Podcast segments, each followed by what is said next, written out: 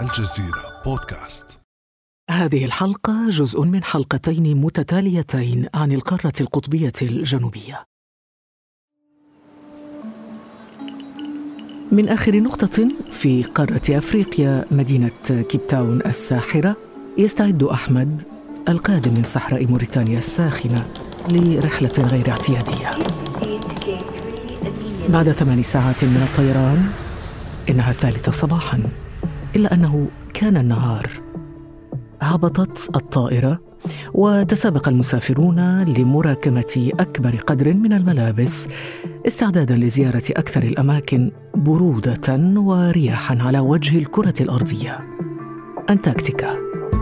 شهية أحمد وغيره للتواجد في أشد بقاع الأرض قساوة تجعلنا نتساءل حقا لماذا يذهب البشر إلى هناك؟ وماذا يفعلون في أنتاركتيكا؟ القارة القطبية الجنوبية. بعد أمس من الجزيرة بودكاست أنا خديجة بن جنة.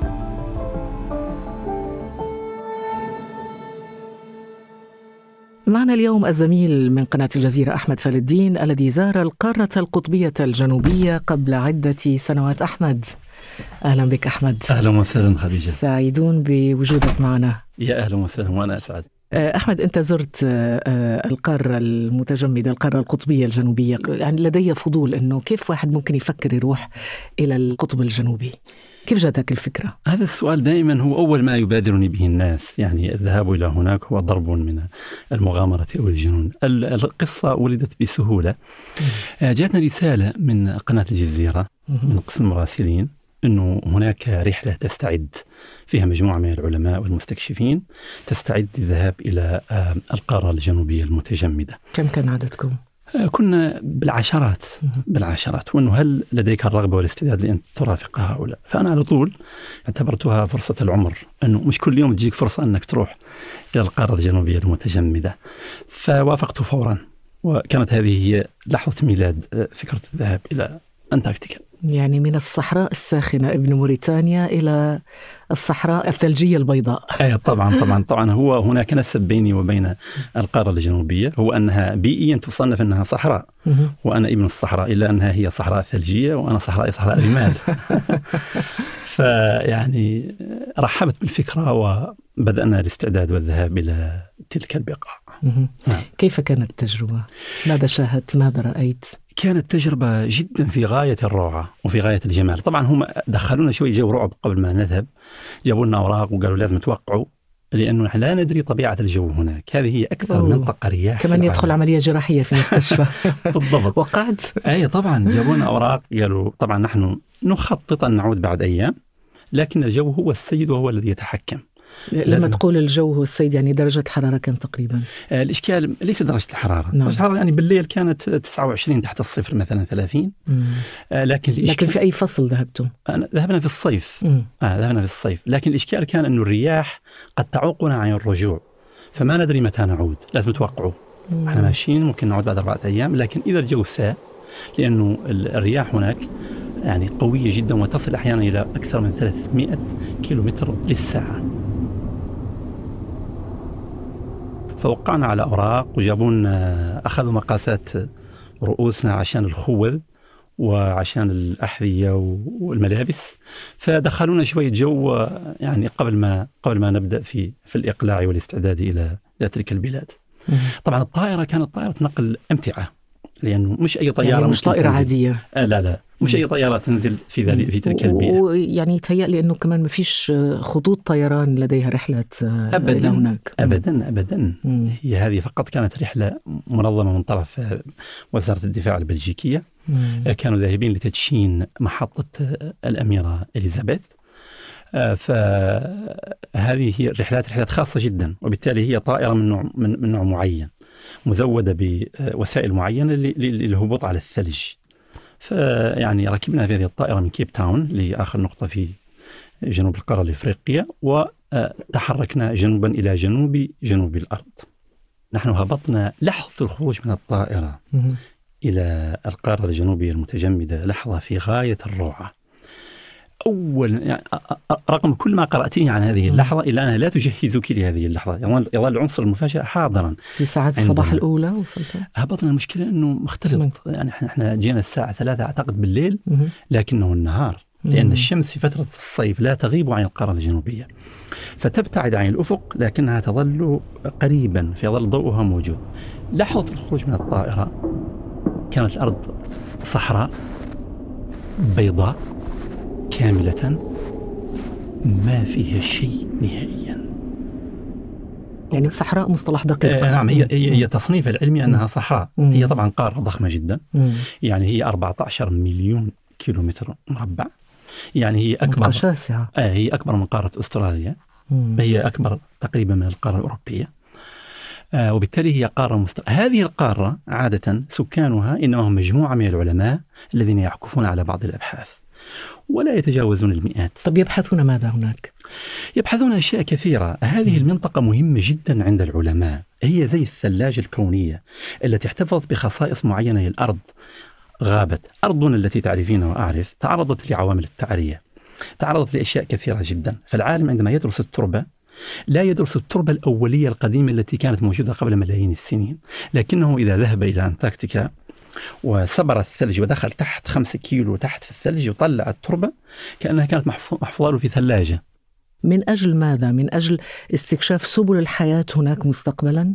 هم عندما يدرسون هذه التربة هم يكتشفون تاريخ الأرض مم. تاريخ الأرض قبل الانفصال الذي وقع بين القارات وقبل دخول المياه ما بين هذه القارات الآن يعرفون هوية الأرض وطبيعتها قبل مئات الملايين من السنين يعني ما ينبئ بأنه مستقبل العالم من الماء والغذاء قد يكون هناك. هل هذا صحيح؟ شوفي هم العلماء يبالغون في أهمية في أهمية أنتاركتيكا. أول شيء هي فيها الجليد. عندما تذوب صفيحة جليدية ضخمة في القارة الجنوبية تتأثر البحار تتأثر المحيطات. وهذا له علاقة بقضية الاحتباس الحراري الآن. الاحتباس الحراري الآن أهم عامل فيما هو. أنه عندما ترتفع درجة الحرارة في الكرة الأرضية تذوب صفائح جليدية في القطب الجنوبي. وإذا ذابت ينز... يزداد منسوب البحر فيرتفع البحر شوية. فهي مهمة جدا في قضية توازن المناخ في العالم. فأنا شفت ياباني هناك عالم ياباني قلت له قل لي بالله إيش وداك أنت جالس هنا في ترتعد في هذه البيئة؟ قال لي لا هذا كنز بالنسبة لي أنا كعالم وبدأ. بدأ يشرح لي هذه النقطة التي كنت أشرح لك فهي يعني جدا مهمة من هذه الناحية. كم يوم بقيت هناك؟ أنا جلست حوالي أربعة أيام. يعني أقصى مدة ممكن يجلسها المرء هناك. شوف يعني, يعني هذا العالم الياباني مثلا. هذا يعني يبقى. أنا سألتهم وقلت لهم أنتم قالوا لي نحن في أدبياتنا أن العالم لا يبقى هنا أكثر من خمسة أشهر أو ستة أشهر لأنه قد يصاب بالجنون والاكتئاب إذا جلس أكثر من ذلك. الحمد لله أنك عدت بعد أربعة أيام. بالضبط أنا جلست أربعة أيام لكن في منطقتي أربعة أيام. ما في غصن شجرة ما في طائر ما في شيء. آه يعني في سبحان الله يعني أنا أعتقد كثيرين يعتقدون إنه هناك دببه بيضاء وتعرف طبيعة ثلجيه هذا كله لا غير صحيح. هذه قد تكون في مواقع أخرى مم. موجودة هي لكنها في مواقع أخرى قد تكون قريبة من المحيط مثلا من البحر. مم. أنا عارف إنه الموريتانيين شجعان بس انتابتك لحظة خوف مثلا ولا؟ أنا فقط الشيء الوحيد اللي كنت خايف منه هو أنه تهب رياح قوية ولا أعود في الوقت. إذا كان 300 كيلومتر 300 كيلومتر في الساعة؟ في الساعة مش دائما لكنها تصل نعم إلى 300 كيلومتر في الساعة. فيصبح الطيران مستحيل بالنسبة للطائرة. فنتأخر. فأنا كنت بس يدي على قلبي. الحمد لله. نعم.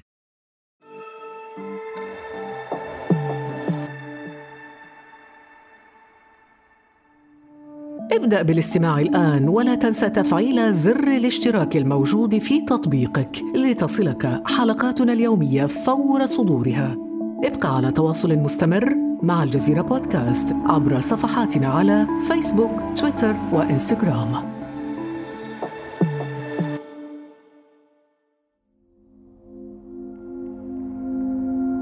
طيب أحمد روال أميسون هو أول من زار القارة القطبية الجنوبية. نعم. احكي لنا قصة هذا الرجل النرويجي. هذا الرجل كان مغامر وكان عنده خبرة في التعاطي مع مع البحار. وكان عنده خبرة في اقتحام المجهول. هذا الرجل ماذا فعل؟ هذا الرجل تحرك على متن سفينة من شمال كندا. معه أربعة رجال و52 كلبا وأربع زلاجات. تحرك يحاول أن يذهب إلى القارة الجنوبية المتجمدة وفي الأدبيات العلمية أنها حتى تلك اللحظة لم تطأها قدم بشر.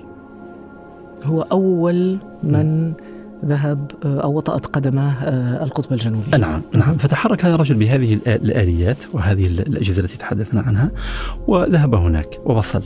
وصل هناك في الرابع من ديسمبر 1911 وجدوا أنفسهم في صحراء باردة بيضاء من الثلج. إذا طبيعة قاسية جدا هناك أحمد. إلا أنه هذه النقطة آه، القصوى من الأرض جنوبا تحولت عبر الزمن إلى حلبة سباق دولية. كادت حتى أن تكون منطقة صراع لولا ما حدث في واشنطن كما تعلم. أول شيء هذا يبرز أهمية ومحورية هذه القارة.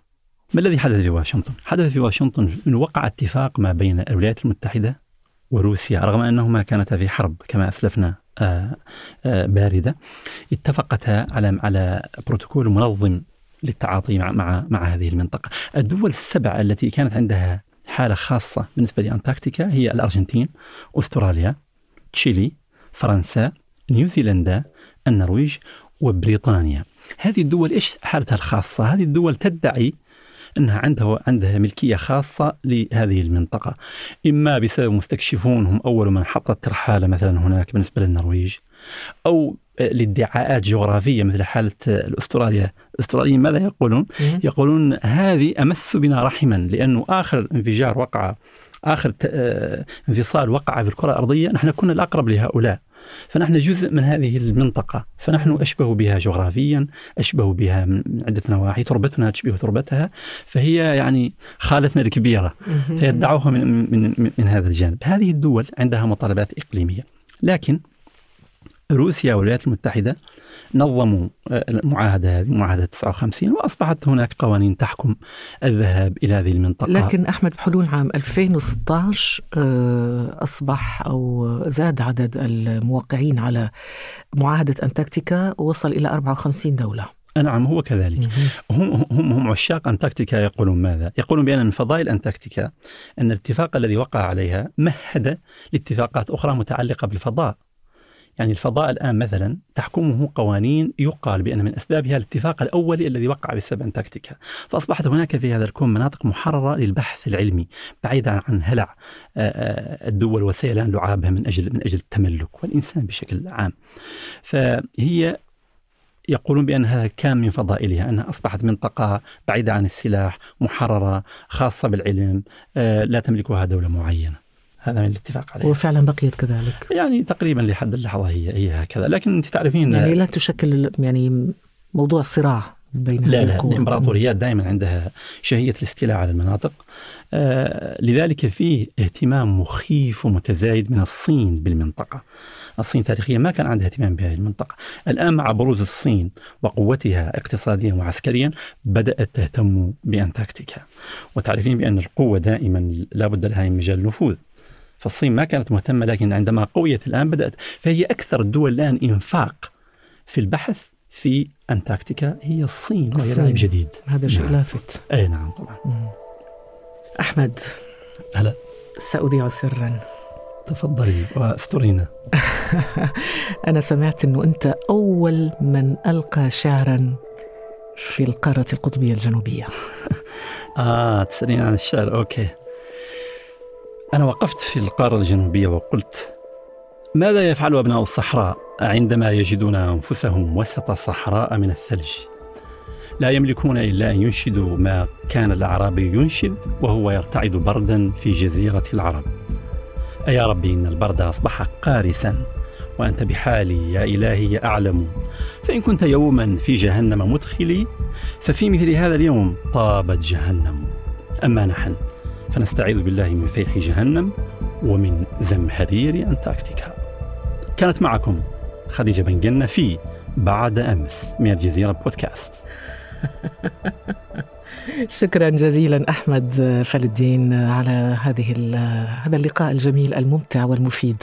يا أهلا وسهلا سعيده يا مرحبا.